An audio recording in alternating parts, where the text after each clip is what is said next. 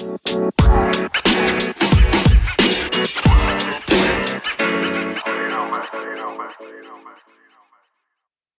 halo balik lagi bersama dengan gua Ready Nobi Talks. Ngobrol santai seputar kripto bareng narasumber yang kece-kece.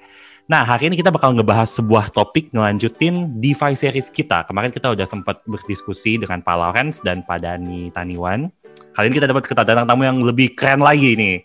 Nah, kali ini kita, tapi sebelumnya sebelum kita aku kenalin tamunya, aku kasih kasih tau dulu kita bakal ngebahas apa, yaitu kita akan ngebahas tentang kripto bisa digadein. Hmm, mungkin ini pertanyaan yang banyak ditanyain kok bisa gitu kripto digadein gitu. Nah, jadi kita langsung aja nih sambut narasumber kita hari ini yaitu Pak Danida, founder dari Vexanium. Oke, halo Pak. Halo. Ya. Apa kabar? Apa kabar Pak? Kabar baik. Ya, puji, puji, puji Tuhan, puji Tuhan. Nah, ini langsung aja nih Pak pertanyaan saya nih Pak. Saya to the point aja nih sebenarnya. Uh, kapan sih sebenarnya ini kayak saya juga mind blown gitu dengarnya.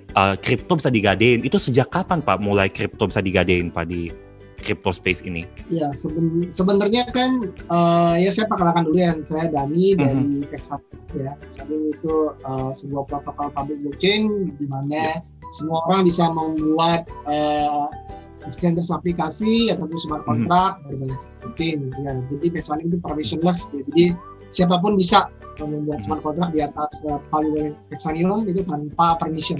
Mm-hmm. Nah, jadi uh, melanjutkan dari pertanyaan dari tadi itu sejak kapan ya? Jadi sebenarnya mungkin sudah di ya beberapa tahun yang lalu ya. Jadi kalau kita lihat itu mulai mulai lumayan ngetren itu di tahun 2018 gitu. Mm-hmm. Tapi sebenarnya begini, ya sebenarnya ini uh, istilahnya sebenarnya loan ya. Jadi kalau misalnya, tapi kalau loan itu kalau di dalam bahasa Indonesia identik dengan kata pinjam. Kalau kita Betul. ya ya kalau kita di, di di kita sendiri ya pinjam itu identik dengan utang. Uh, kita memiliki utang, utang, sesuatu yang tanpa ada agunan gitu loh. Betul Jadi, betul.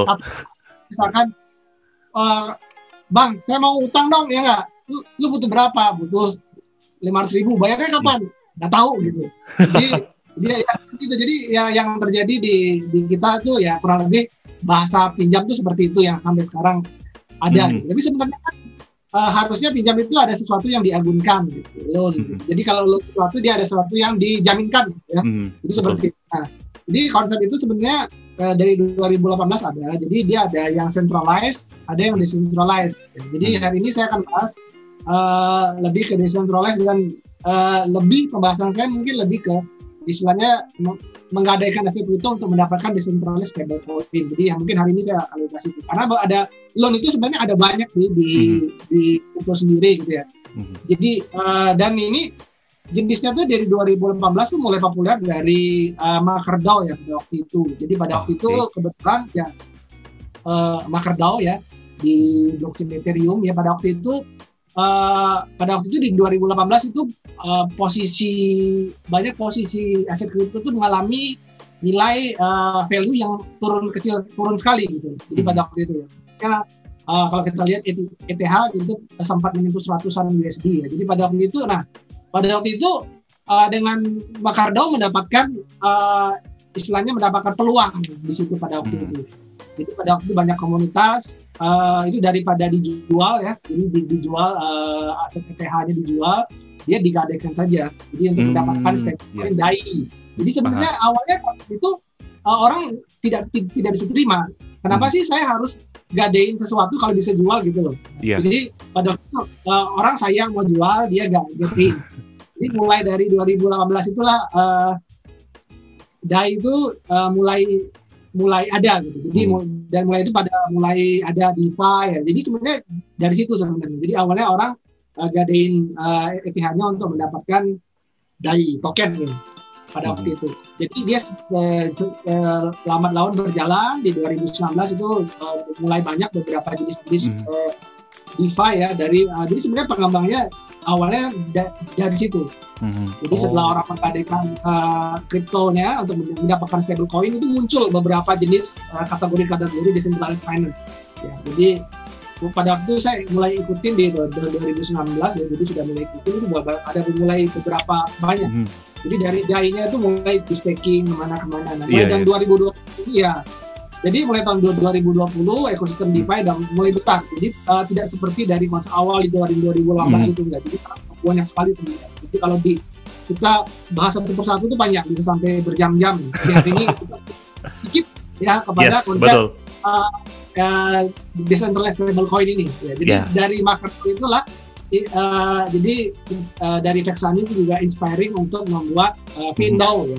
Findao itu kurang lebih uh, ya kurang lebih itu kurang lebih sejenis ya. Jadi uh. uh, mengkolaborasi mengagungkan aset kripto PEX ya, mm -hmm. untuk mendapatkan stable stable coin yang bernama USDP.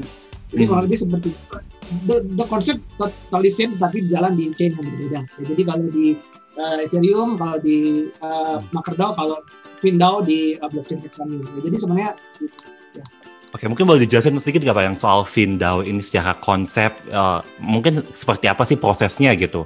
Ya, Proses. jadi sebenarnya uh, simple sih sebenarnya sih. Jadi memang kalau hmm. kita lihat uh, komunitas kripto sekarang itu kebanyakan, kebanyakan datang dari era setelah uh, EFI ya. Jadi yeah. dia dia belum belum sampai era-era di mana tahun 2018 2019 orang menggadaikan kriptonya untuk mendapatkan stablecoin. Jadi jadi uh, proses itu dilewatin. Tapi sebenarnya itu awalnya sebenarnya datangnya dari situ. Oke. Okay. Nah, jadi sebenarnya Ya makanya uh, Vexarium itu kita mulai dari situ karena memang core-nya datang dari situ sebenarnya. Jadi hmm. kalau core-nya DeFi itu sebenarnya ada dari uh, stablecoin.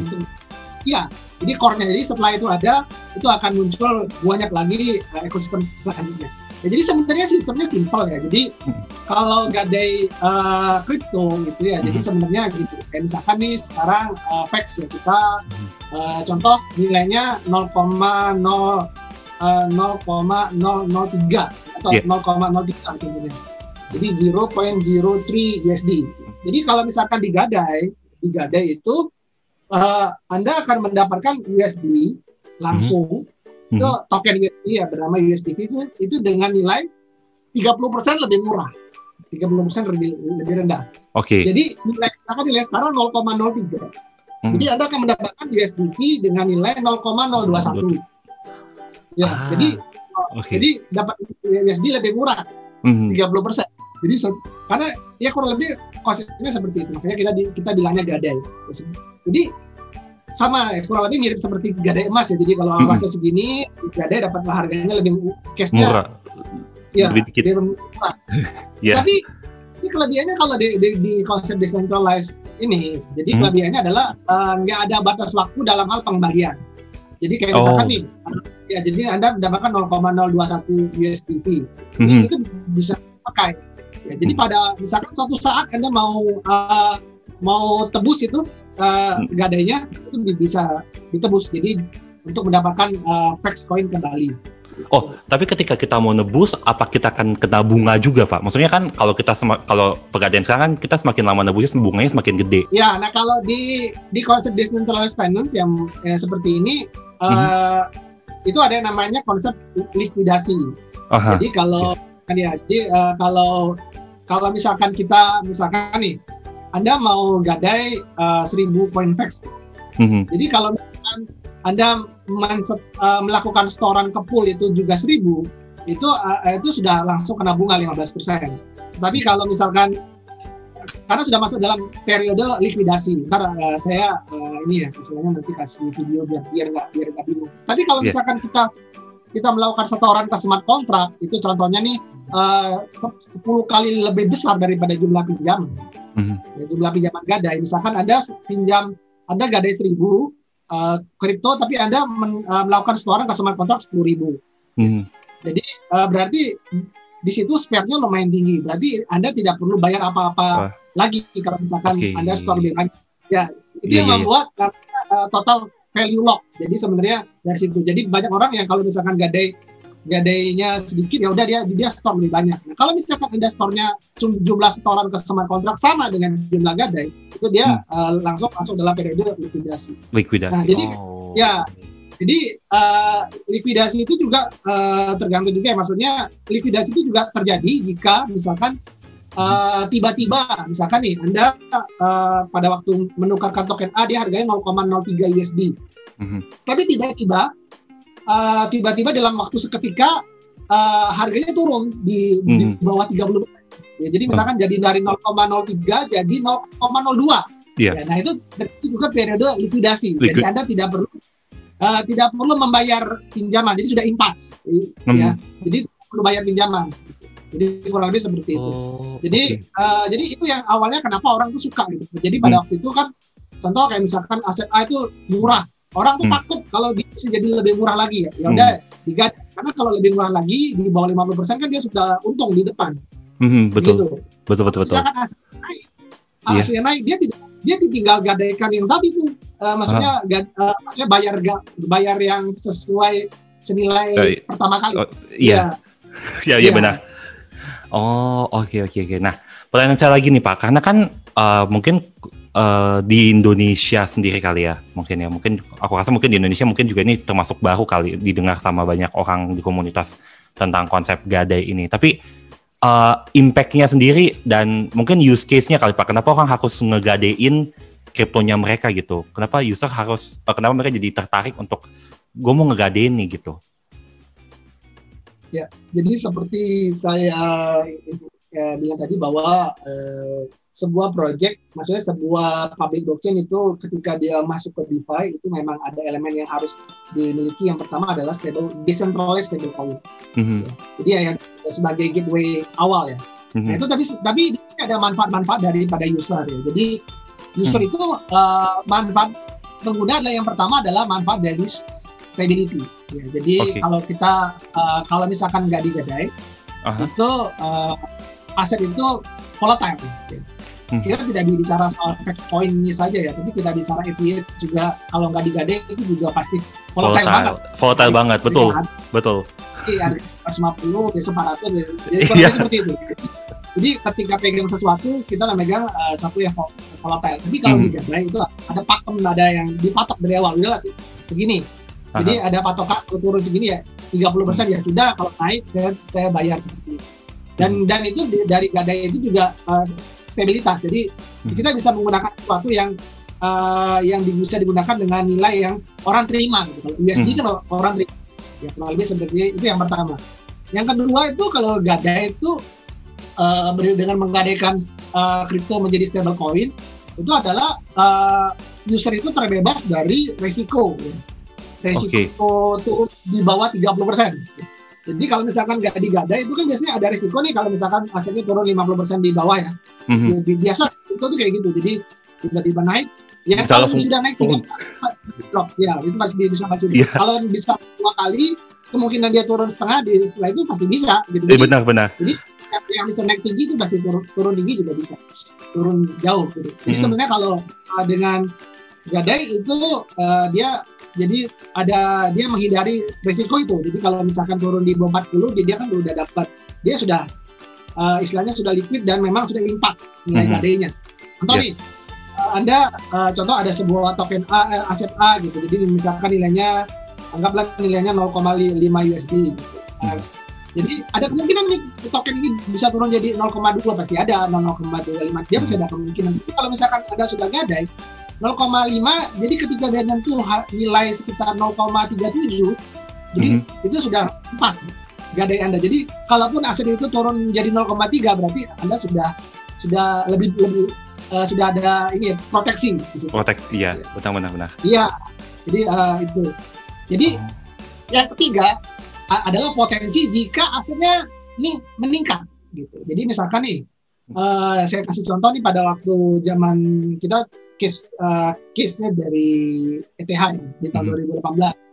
Jadi pada waktu itu ETH kan eh, harganya 100 USD ya pada waktu itu ya. Hmm. Turun jauh dari 1000 ke beberapa ribu jadi 100 USD itu panik. Nah, jadi orang kan daripada dia jual ya kenapa Aha. nggak digadai? Iya. Ya, jadi jadi ketika ketika jual kan dia jualnya cuma dapat 100 USD pada waktu Mhm. itu. Jadi Mhm. dia gak ada aja walaupun dia dapat cuma 80-an ya.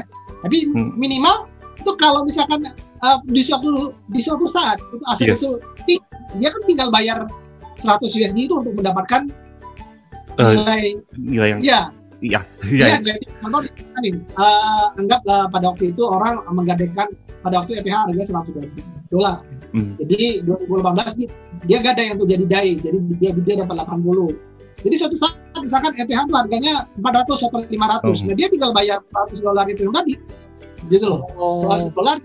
Jadi untuk mendapatkan ETH kembali dan ETH-nya kamu bisa Dap- bisa jual lagi di harga 500 nah, kan kayak gitu. Iya, Jadi- jadi Ada untung Iya. banget sebenarnya untuk user ini sih benar-benar aman ya. Jadi sebenarnya lebih Aman. aman banget sebenarnya buat user sebenarnya. Karena Ya. nilainya tetap terjaga, maksudnya bisa di buyback dengan nilai harga yang sama. ya Oh. kurang lebih seperti itu. Oh, Jadi itu eh, itu potensi yang ketiga. Jadi, eh, jadi jika misalkan aset itu eh, tinggi ya dia, Hmm. dia dia bisa tembus harga murah.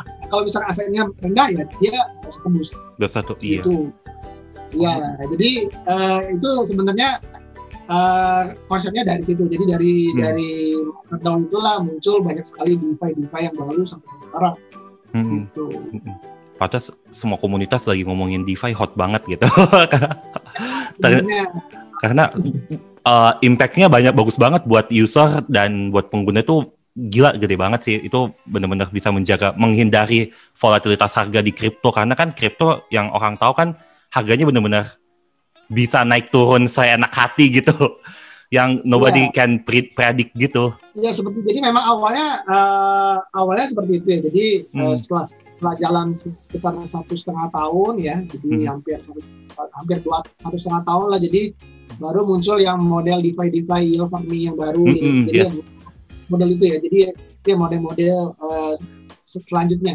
Jadi dari situ akhirnya ya orang-orang bisa mendapatkan eh, mendapatkan banyak ini ya, maksudnya mencoba. Tapi Hmm. saya lihat banyak orang yang belum mencoba menggunakan MakerDAO sebenarnya. Jadi proses itu Ah. dilewatin ya, dari Iya. dari jadi eh, terutama di orang yang dari di komunitas di Indonesia Mhm. ya dia belum pernah coba untuk gadai di kebanyakan ya, jadi Iya. coba langsung di eh, di yield farming. Jadi eh, proses itu dilewatin. Tapi Iya. kalau yang sempat coba itu eh, memang awalnya dari situ. Makanya oleh karena Mhm. itu kita uh, Vexanium memang Mhm. eh, coba untuk ma- lebih masuk ke DeFi ekosistem lebih dalam Mhm. jadi memang eh, khususnya di Pindau ya, terlebih dahulu. Nah, Hmm. Pindau ini kelebihannya adalah Pindau ini dari awal juga kita serahkan ke komunitas. Jadi sebenarnya Hmm. semua nanti eh, eh, di, di sama seperti Vexanium Hmm. juga. Jadi dia akan di, dikawal oleh para komunitas. Jadi Key semuanya itu multi uh, multi signature. Jadi ada ada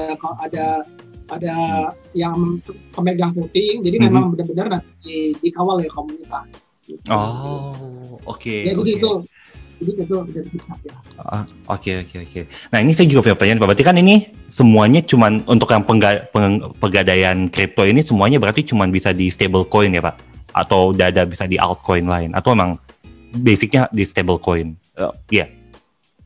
Ya, jadi sebenarnya kalau gadai biasanya ya biasanya ya yang Hmm. eh, itu memang sebagian besar itu dari kripto yang eh, yang ini menjadi stablecoin. Jadi apa pun ben- bentuknya itu biasanya men- menjadi stablecoin. Dan ini ya, dan ini seperti. Mhm. Tapi Oh. eh, kita perlu tahu ke depannya bagaimana. Jadi sebenarnya dari kripto yang pokok nil- nilainya volatile digadaikan eh, kolaborasi di maksudnya nilainya 30% lebih murah untuk menjadi stablecoin. Jadi saat ini fokusnya masih itu. Tapi kalau nanti ke depannya ya yang namanya DeFi itu buat- berubah berubah cepat sekali. Jadi kita nggak tahu nanti ke ke depannya akan akan jadi. Tapi saat ini ya saat ini ke stablecoin. Karena DeFi itu semuanya dibangun di atas smart contract kan Pak? Berarti sebenarnya semua orang bisa bangun dong? Ya, jadi sebenarnya semua orang bisa bangun sebenarnya. Jadi kan Ya. dana-dana juga open source. Jadi Iya, sebenarnya bisa bi- bisa dibangun saat ini. Oke. Tapi untuk pegadaian sendiri tuh, eh, karena kan setahu saya kalau di DeFi ada beberapa proses yang kayak emang perlu di ada auditnya. Untuk Iya. bikin sebuah pegadaian itu perlu diaudit juga nggak Pak? Sebenarnya untuk audit yang yang smart kontraknya perlu dia dia diaudit ya. Jadi kalau misalkan untuk Mhm. eh, lebih reliable, kadang orang beberapa komunitas minta smart kontraknya diaudit. Kadang Mhm. kan dia nggak tahu ada bug di smart kontrak apa gitu. Jadi Ya. itu, itu perlu diaudit. Lagi kalau di yield farming itu kan sangat berbahaya banget. Jadi tiba-tiba ada di kontraknya itu ada ditulis rug pull gitu. Jadi jadi isinya semua diambil itu kan juga ngeri juga. Jadi Iya benar. ya kadang kita ya apalagi ya yield farming itu kan sebenarnya sangat high risk ya. Ya, Mhm, kalau saya betul. sih pribadi ya itu sangat high risk banget. Jadi eh, itu perlu smart kontrak yang diaudit. Mhm. Jadi kalau misalkan di stablecoin eh, itu smart kontraknya bisa diaudit dan memang dipegang dari multi signature. Jadi multi signature itu artinya seperti ini. Jadi kayak misalkan nih jika terjadi perpindahan ataupun uh, ini kan nanti suatu saat itu pasti banyak semakin lama semakin besar poolnya ya. Yes. orang ketika ketika seperti tadi saya bilang ketika si A dia mau uh, menggadaikan aset kriptonya untuk mendapatkan uh, istilahnya likuidi uh, liquidnya lebih kecil jadi dia masih store lebih banyak. Mm-hmm. Jadi itu akan akan terjadi uh, istilahnya terjadi uh, total value lock yang tinggi. Nah, oleh karena itu kan private key ini uh, kalau dipegang oleh satu orang ini sangat berbahaya. Gitu. Iya betul betul. Jadi harus private key ini dipegang oleh multi signature. Jadi dia dipegang oleh banyak sekali uh, komunitas dan ini ini bisa dibantu. Ya dengan dengan multi sig ini ini akan lebih aman. Jadi yes, yes. ya jadi kayak kalau di Hexanin juga ada beberapa itu uh, DeFi yang sudah jalan itu semua juga multi sig. Kayak misalkan oh. RX itu ya itu -huh. multi multi signature. Jadi kalau kalau RX itu pun multi signature tuh langsung dihubungin ke blockchain Kexanium. Jadi benar-benar hmm. dia di di di di signature itu di di desain oleh 21 21 blok producer. Jadi kalau misalkan mau macam-macam itu 21 itu harus ada tangan. Harus oh, so agree semua. ya. Jadi, yeah. uh, jadi itu susah untuk di ini ya, susah untuk di di Ganti. jadi sebenarnya yeah. sama ya kalau misalkan smart kontrak itu kita buat multisig itu lebih aman. Hmm. Jadi memang ada ada risiko. Kalau belum multisig ya itu pasti ada satu kebocoran itu pasti ada gitu. Jadi yes, ada yes. ada sedikit ini gitu. Oke Pak, saya mungkin ini juga untuk teman-teman yang mungkin baru dengar sih kita balik lagi ke user-user yang mungkin baru pertama kali dengar pegadaian. Ini saya takutnya mereka salah persepsi nih karena takutnya kayak kalau di pegadaian orang kalau dengar konsep pegadaian kan pasti kayak ya gue harus balikin dalam jangka waktu sekian dengan nilai yang sama gitu. Nah mungkin saya mau minta tolong nih Pak Dani untuk kasih kita insight bedanya sebenarnya yang paling bisa kelihatan gitu bedanya yang dari uh, pegadaian kripto dan pegadaian yang ada di pasaran sekarang itu apa sih Pak gitu?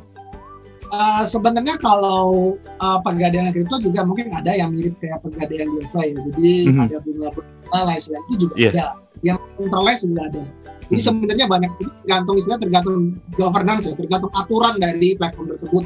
Hmm. Tapi kalau misalkan di uh, yang gadai kripto yang ala ala stablecoin ya, ala contohnya yang ala uh, Findao gitu ya, itu uh -huh. itu tidak ada batas. Jadi benar-benar istilahnya akadnya itu akad ya. Jadi istilah akad hmm. istilahnya kita sign sesuatu itu itu hmm. benar-benar nggak ada batas waktu. Jadi benar-benar uh, fee-nya itu cuman ya cuman satu itu uh, stabilitas uh, apa namanya fee-nya saja sama uh, kalau terjadi apa namanya likuidasi. Jadi kurang lebih cuman itu doang. Jadi kalaupun mau kapan saja dibayar itu bebas. Mm-hmm. Jadi gitu. Jadi contoh nih sekarang kamu uh, apa namanya uh, gadai harganya 100 USD. Nanti kalau misalkan dua tahun lagi dibayar ya, ya asal ya kamu tidak kena likuidasi ya. Iya. Jadi ya, ya aman-aman aja gitu. Jadi sebenarnya kalau kita store pool lebih banyak ya itu kan uh, nilai likuidasinya bakal lebih turun jauh. Iya. Ya, jadi sebenarnya dari situ itu uh, mau mau berapa aja, mau kapan saja kamu apa namanya uh, tebus ya itu nggak ada nggak ada batas waktu. Kalau di pegadaian biasa yang uh, kita besarkan gadai emas kan tiap dua minggu tuh kalau saya nggak salah ya itu ada hmm. bunganya hmm. ada bunga berbunga yes. lima persen naik ini naik ini naik ini jadi jadi itu ada bunga berbunga di situ jadi sebenarnya hmm kalau saya lihat memang potensi ini besar sekali apalagi hmm. di konsep gadai benar-benar gak ada bunga berbunga kalau orang itu sudah mulai tahu itu bakal bakal big ya, kita bisa lihat uh, Makardo itu besar sekali sebenarnya yeah. ya uh, jadi dan uh, dan karena memang konsep uh, tanpa bunga berbunga itu sangat sangat diterima orang sebetulnya. Hmm. Jadi cuman kan masalahnya adalah belum banyak orang tahu. Yeah. kalau ketika mes ini ini bakal luar biasa. Karena kan banyak orang jujur ya dia masih maksudnya agak istilahnya agak kurang suka dengan konsep bunga berbunga ini. Jadi kalau mm -hmm. di, di sini jadi akad semua ada di depan.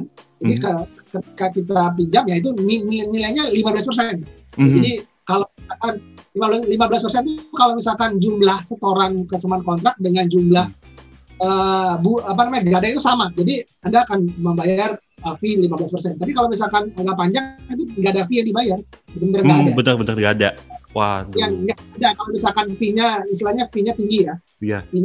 Ya, maksudnya bukan fee tinggi, jadi jumlah setoran lebih banyak daripada jumlah gada itu Oke. ya ada fee. Oh. Tet- Tapi tetap ada fee terakhir ya, tetap fee itu terakhir itu tergantung dari istilahnya Oh. tergantung dari kopi. Ya Iya. jadi kan Oke. ya jadi karena kan nanti kan prosesnya tuh kan ketika pindah ya, jadi pindah itu masuk ke dalam komunitas, jadi semua orang bisa bisa uh, istilahnya bisa me- merubah Mhm. aturan itu Hmm. Jumlah nilai fee-nya tuh bisa ditentukan oleh komunitas. Jadi fee-nya berapa? Jadi biasanya fee-nya ada dua, fee yang yang likuidasi yang tadi 15 persen dengan fee yang satu persen atau 0,5 itu itu bukan bukan kita tentuin, tapi komunitas. Komunitasnya kalau nggak mau ada fee juga bisa, mau fee berapa Oke. juga bisa. Oh jadi Ya, sebenarnya- berdasarkan voting berarti berarti Pak ya? Ya, berdasarkan voting. Jadi sebenarnya uh, ketika dibikin setup di awal kan itu uh, pasti ada nilainya 15%, tapi ke depan itu angka itu bisa berubah. Mau 15, jadi 10, jadi jadi 25 ataupun jadi 5% itu bisa berubah.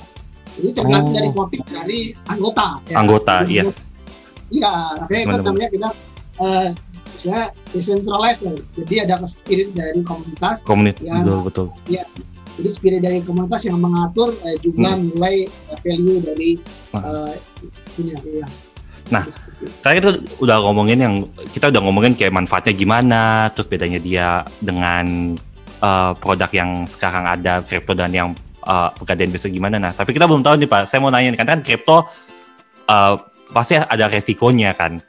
Nah, ini kalau yang ini sendiri ada resiko nggak sih Pak? Kalau kita main pegadaian kripto ini? Ya jadi sebenarnya eh, semua pasti ada resiko ya. Jadi eh, kalau yang tadi saya bilang ya, kalau di DeFi itu resiko yang paling umum kan terjadi eh, poolnya di poolnya kena hack atau apa gitu. Iya. Tapi asalkan kalau sudah di signature itu itu bisa diminimalisir. Jadi Mhm, kalau dengan dengan multi itu ada misalkan fine ada 10 orang itu ada bisa di mhm. minimalisir. Tapi juga ada uh, resiko yang kedua sebenarnya sih. Resiko yang kedua kalau yang di Gada ini ya adalah karena dia ada konsep uh, likuidasi ya. Jika Hmm. tiba-tiba aset itu turun di bawah 30% dari nilai uh, nilai ketika kamu gadai pertama kali. ya. Yep. Jadi contoh kalau misalkan uh, aset itu belum terlalu liquid, ya. jadi Hmm. uh, ataupun gimana tiba-tiba tiba-tiba dia dia turun di bawah 30 dan kamu belum sempat tebus itu Mhm. itu liquid sebenarnya. Jadi itu ada resiko di sana. Jadi kalau tiba-tiba uh, kamu belum sempat uh, sebagai orang yang gadai kita belum sempat untuk tebus tapi dan tiba-tiba aset itu turun 30 30% seketika kayak misalkan Black Swan yang kemarin ya jadi jadi uh, kan banyak tuh pada waktu itu yang di bulan Maret ya kalau nggak nggak salah ya bulan Maret tanggal 13 ya. Jadi tiba-tiba semua kripto itu 30 persen yang singkat peng gitu. jadi Iya, di orang yang gadainya itu liquid semua sebenarnya jadi Iya. jadi itu yang yang yang terjadi sebenarnya jadi Hmm. itu ada ada resiko juga di situ jadi eh, Oh. kalau misalkan dia turunnya sedikit kan kita masih sempat untuk turun eh, untuk untuk eh, tebus ya sebelum Iya. dia liquid jadi sebenarnya ada resiko di sana Ah. jadi itu eh, resiko yang eh, yang semua pat, eh, patut eh, ya ketahui Mhm. bahwa jika aset turun seketika di di apa namanya di di bawah 30% itu Mhm. dia otomatis akan liquid. Liquid, Nah itu kan dan aset itu ya ju- nilai kita kan kalau kita kan eh, kita kalau di Findao kita menggunakan simple Oracle ya jadi nggak Hmm. nggak Oracle yang ya kalau teman-teman yang tahu Oracle kan seperti yang terkenal seperti Chainlink ya jadi dia bisa mencatat data-data transaksi oh, eh, pergerakan harga ya Hmm. jadi nah kalau di di, di kita menggunakan simple Oracle jadi ada beberapa notes yang mencatat jadi jadi eh, jadi itu eh, istilahnya misalkan nih jam-jam segini jadi jam segini harganya 0,3 jam segini Iya. kan 0,29 jadi itu per per berapa menit sekali itu harganya ganti nah, itu Oh. sebenarnya uh, bisa terjadi uh, bisa terjadi juga masalah di di, di Oracle ya sebenarnya jadi kalau tiba-tiba Hmm. Oracle-nya bermasalah harganya yang harusnya 0,3 tiba-tiba jadi 0,15 ya semua liquid karena dia kan Iya. Mengambil dari data uh, Oracle tersebut jadi sebenarnya seperti itu. Jadi ada re- resiko sebenarnya resiko utama itu ada di fluktua- fluktuasi dari data data pricing Oracle itu Iya. sebenarnya. Oh, Ya. oke oke oke. Jadi itu mungkin resiko yang perlu uh, teman-teman tahu kali ya sebelum untuk join uh, pegadaian kripto yang seperti ini gitu. Kalau ternyata emang uh, ada masa-masa yang memang, memang bisa kita tiba-tiba masuk ke masa likuidasi yang menjadi uh, hal yang perlu diperhatikan. Ya, hal yang perlu di, di perlu diperhatikan. Tapi kalau Iya. misalkan memang tadi itu saya bilang uh, ya udah saya mau menjaga nilai menjaga nilai asetnya aja kalau misalkan turun 30 persen ya sudah gitu toh juga Iya. saya ya, stop loss lah kayak gitu. Iya, stop Jadi, loss, stop loss ya. ya, se- se- se- eh, sejenis loss jadi ya sudah tapi kalau misalkan memang ya, memang kita sayang sama aset ya tiba-tiba liquid Hmm. gitu ya itu resikonya ada di situ ya Ada di ya kan situ. kita namanya kripto kan itu volatile ya kita nggak Hmm. tahu tiba-tiba turun 30 persen satu hari ataupun naik 100 persen juga kita juga nggak tahu jadi sebenarnya ada resiko di situ ya Hmm. Yes, betul betul betul. Nah, sebelum kita tutup nih Pak, uh, Pak Dani mungkin mau menyampaikan sesuatu nggak nih saran atau teman-teman buat yang pengen coba gitu, enaknya startnya mulai dari mana nih gitu atau gimana baru mau coba? Kalau saya eh, kalau teman-teman mau coba sih biasanya Mhm. kalau ada itu kan eh, bisa coba kalau di Ethereum ya mungkin kalau di sini ada yang menggunakan Ethereum ya bisa coba di MakerDAO tapi eh, MakerDAO sekarang sudah agak lumayan rumit dibandingkan versi tahun 2018 yang simple jadi sekarang agak rumit jadi kan eh, saya perhatikan beberapa teman-teman yang mau coba bingung gitu ini Mhm. laki-laki nggak ngerti gitu. Iya. Ini uh, makanya dari situ kita membuat Pindao ya. Pindao Hmm. itu uh, dengan konsep yang lebih yang kita coba lebih mudah gitu. Oke. Jadi jadi ya lebih mudah dan lebih murah. Gitu. Jadi Hmm. orang bisa coba. Jadi uh, istilahnya kalau di Vexanim itu kan kita nggak ada fee ya, maksudnya nggak ada Hmm. fee transaksi seperti di blockchain yang menggunakan transaksi. Jadi nggak ada gas fee kalau di Vexanim. Mhm. Jadi kalau di di Vexanim itu bisa coba. Sekarang sih sudah dalam masa testnet ya. Hmm. Uh, Vindao uh, Alpha. Jadi uh, ketik vindao.com nanti bisa coba. Itu bisa Oke. coba di di situ dan itu uh, kalau di Vex- Vex- Vexanim itu nggak ada gas fee. Jadi benar-benar free. Jadi kita juga Oh. bisa coba dengan nilai yang sangat murah sekali. ya. Jadi nggak ada cuma 100 specs atau berapa itu 100 specs itu ya, ya nilainya murah lah. Itu Iya. cuman cuman cuman berapa ribu perak lah. Jadi jadi jadi itu bisa dicoba dites Jadi, jadi dari, dari situ dites nih oh ternyata saya dapat banyak Mhm. saya saya coba dinaikin Yes, uh, yes. uh, nilai storannya jadi uh, nilai likuidasinya lebih Yes. kecil nah itu. Ya, jadi sebenarnya saran saya sih kalau memang mau ikut gadai memang mesti harus Hmm. storannya lebih besar Lebih besar betul. ya di kalau memang mau misalkan kalau di di ETH kamu mau gadai satu ya kalau bisa skor Hmm. 5 gitu. Tapi kan orang jarang ngapain sih gadai satu skor Iya, 5 iya. ya, ya, ya, orang tuh pasti gadai satu skor satu biasanya. Ya, tapi kalau di aman li- likuidasinya selalu lebih banyak. Kalau di Ipex kan enggak. Mhm. di Ipex kan harga kalau kamu bisa coba misalkan pinjam gadai seribu skor sepuluh ribu. Jadi likuidasinya itu jauh sekali. Jadi uh, Mhm. agak tidak sangat sangat uh, susah untuk liquid gitu loh. Iya. Jadi jadi coba di, di situ. Jadi sebenarnya uh, kalau di Ipex ya bisa coba lah. Jadi Mhm. dan kemungkinan uh, kebetulan juga setelah Pindao ini uh, banyak sekali kayak dari itu akan banyak sekali muncul beberapa uh, aplikasi-aplikasi DeFi Mhm. lain ya. Jadi kita juga kan karena memang Vex ini uh, kita open sekali dengan banyak Hmm. developer. Saya lihat banyak developer yang sudah mulai uh, develop uh, develop uh, DeFi ini di atas spek. Jadi kemungkinan setelah ada Nah. ada uh, ini launching ada beberapa yang baru dan uh, kita bisa coba. Nah, kalau Yes. di situ kan kelebihannya sangat murah dan fee-nya nggak ada, jadi bisa dari ini ya. Iya. Kalau di lain kan itu kan ada fee, walaupun murah tetap ada fee. Jadi memang dari awal kita uh, untuk Vexanim itu kita lihat bahwa uh, ke depan itu di masa mendatang blockchain itu tidak hanya dipakai untuk uh, transaksi finansial saja.